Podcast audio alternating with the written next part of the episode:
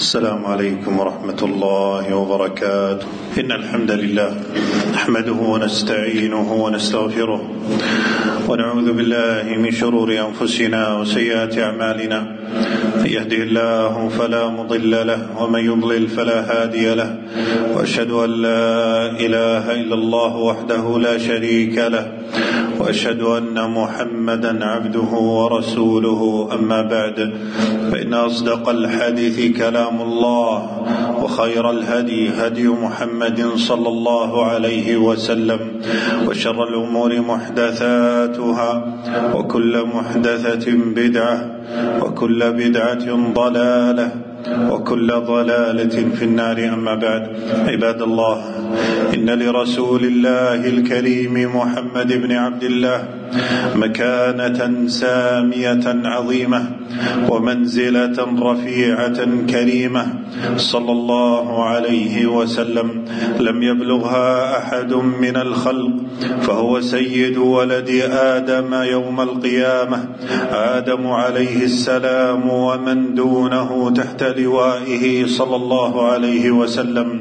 ولقد أوتي الشفاعة العظمى التي اعتذر عنها أولو العزم من الرسل والتي اختصه الله بها وآثره بها على العالمين وكرمه ربه عز وجل واختصه بمكرمات جزيلة لم يعطها لأحد قبله من الأنبياء صلوات الله وسلامه عليهم أجمعين وكلهم له منزلة رفيعة عند ربه Amen. فعن أبي هريرة رضي الله عنه قال قال رسول الله صلى الله عليه وسلم أنا سيد ولد آدم يوم القيامة وأول من ينشق عنه القبر وأول شافع وأول مشفع رواه مسلم. وإن من أعظم النعم وأفضل العطايا لأمتنا أن بعث الله هذا الرسول صلى الله عليه وسلم فيهم فجعله خاتم خاتم الرسل فجعله خاتم الرسل وأفضلهم. لتكون هذه الأمة آخر الأمم وأفضلها. قال تعالى لقد جاءكم رسول من أنفسكم عزيز عليه ما عنتم حريص عليكم بالمؤمنين رؤوف رحيم. إن رسولنا صلى الله عليه وسلم هو أفضل الرسل له فضائل كثيرة ومحاسن عديدة. بشر به الرسل من قبله وجاء ذكره في التوراة والإنجيل وله صلى الله عليه وسلم علينا حقوقا كثيرة الإيمان به واعتقاد أنه رسول الله حقا. أرسله الله إلى الإنس والجن بشيرا ونذيرا والإيمان بعصمته فيما بلغه عن ربه وأنه صلى الله عليه وسلم خاتم النبيين وأنه قد بلغ رسالته على أكمل الوجوه. ومن حقوقه طاعته واتباع ما جاء به من عند الله تعالى.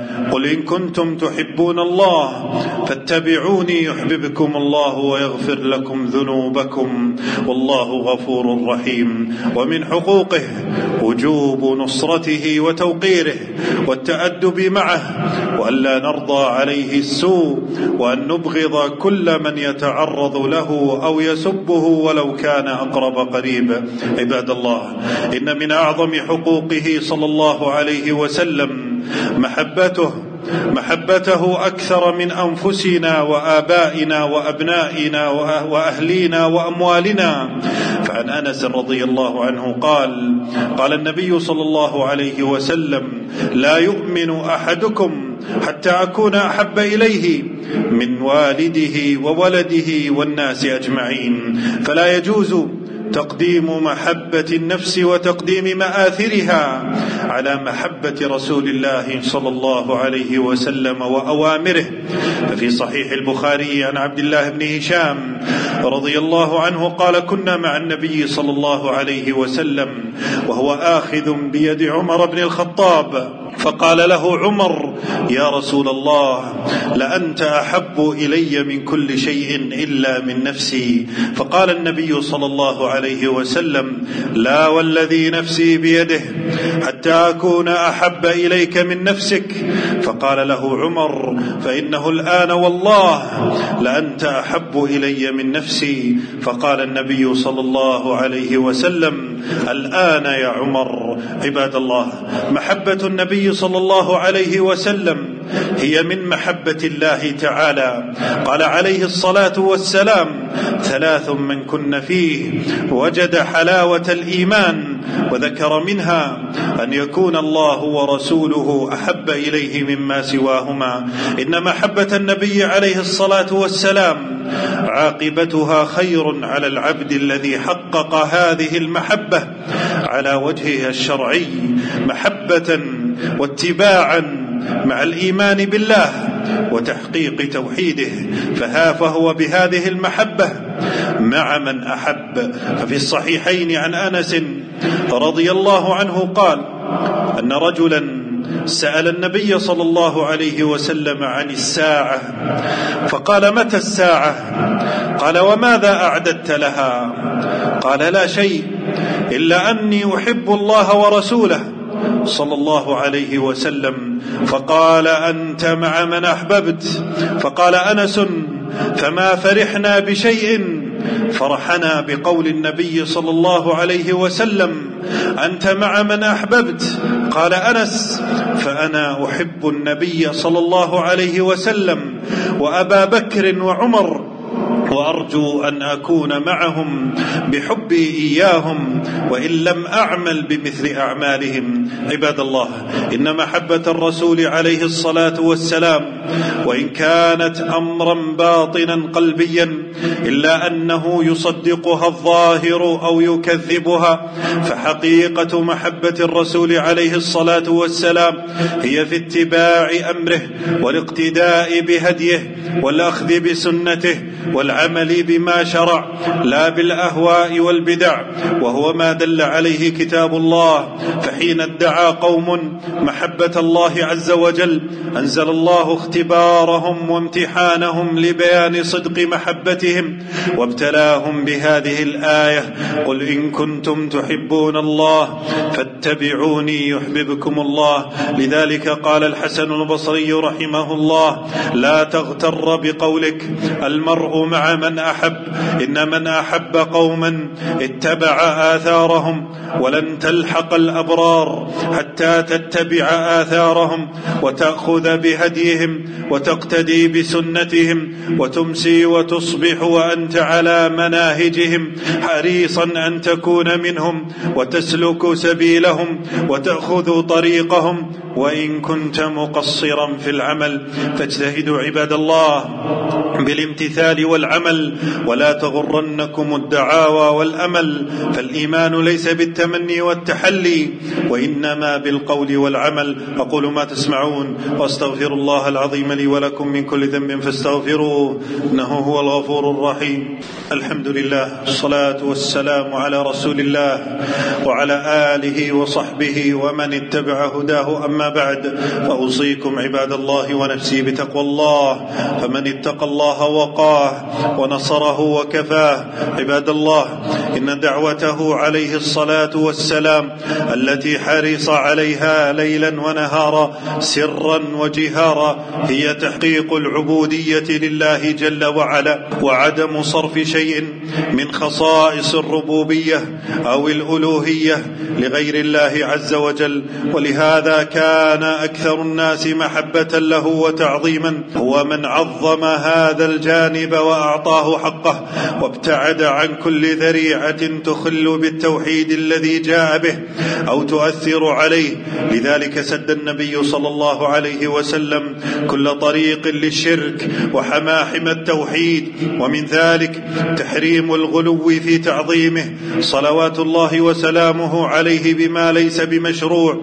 فعن عمر رضي الله عنه عن النبي صلى الله عليه وسلم أنه قال لا تطروني كما أطرت النصارى ابن مريم فإنما أنا عبده.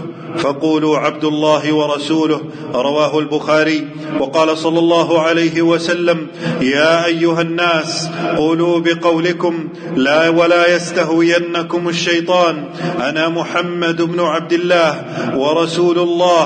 والله ما أحب أن ترفعوني فوق ما رفعني الله. رواه أحمد. ومظاهر الغلو في رسول الله صلى الله عليه وسلم كثيرة كاعتقادك فيه ما هو من خصائص الله جل وعلا كاعتقاد أنه يعلم الغيب بما لم يطلعه الله عليه أو تدعوه من دون الله لكشف ضر أو دفع كرب أو جلب نفع أو طلب مدد فذلك شرك بنص القرآن وهدي سيد الأنام. يقول تعالى في حقه صلى الله عليه وسلم قل لا أملك لنفسي نفعا ولا ضرا إلا ما شاء الله ولو كنت أعلم الغيب لاستكثرت من الخير وما مسني السوء ومن أعظم التكذيب للقرآن وسنة سيد الأنام. اعتقاد أن وجوده عليه الصلاة والسلام سابق لهذا العالم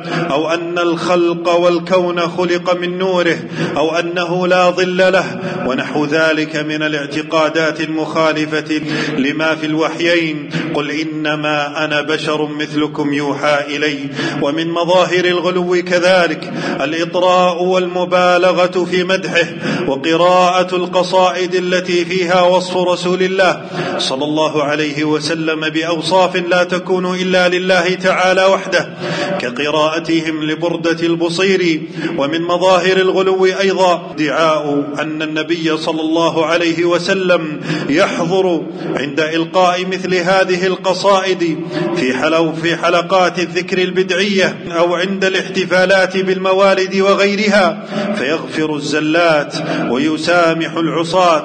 عباد الله لقد ادعى كثيرون محبة رسول الله صلى الله عليه وسلم وأفعالهم تكذب دعواهم فترى قوما يدعون محبة النبي صلى الله عليه وسلم وهم يسبون ويكفرون أصحابه ويطعنون في عرضه ويتهمون أزواجه وترى أقواما يدعون محبة النبي صلى الله عليه وسلم وهم يخالفون أمره وسنته وهديه فيطرونه ويعطونه صفات الله رب العالمين وترى أناسا يدعون محبة النبي صلى الله عليه وسلم وهم يبتدعون بدعا ما أنزل الله بها من سلطان ويحتفلون بأعياد بدعية لم يفعلها رسول الله صلى الله عليه وسلم ولا أصحابه وأتباعه.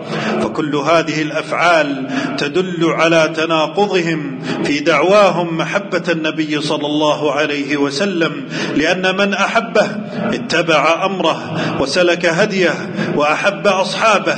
فهذه هي المحبة الشرعية التي أمرنا باعتقادها والعمل بمقتضاها وكثير من هذا الغلو عباد الله يجتمع في احتفالات أهل البدع في المولد النبوي فهذا الاحتفال البدعي لم يفعله النبي صلى الله عليه وسلم ولا صحابته الكرام ولا القرون المفضلة إنما اخترعته الدولة الفاطمية العبيدية التي قتلت أهل السنة وعاثوا في مصر فسادا ونشروا سب الصحابة على المنابر وأجمع العلماء على كفرها وزندقتها ووجوب قتالها هؤلاء هم قدوة المحتفلين بالمولد النبوي فيجب الحذر من الابتداع في الدين فالمبتدعة على خطر عظيم فكل بدعة ضلالة وكل ضلالة في النار. اللهم اجعلنا من المتبعين ولا تجعلنا من المبتدعين. ربنا ثبت قلوبنا. اللهم يا مقلب القلوب ثبت قلوبنا على دينك. اللهم توفنا على التوحيد وثبتنا على التوحيد اللهم اغفر للمؤمنين والمؤمنات والمسلمين والمسلمات الأحياء منهم والأموات. ربنا اغفر لنا ولوالدينا وصلى الله وسلم وبارك على نبينا محمد.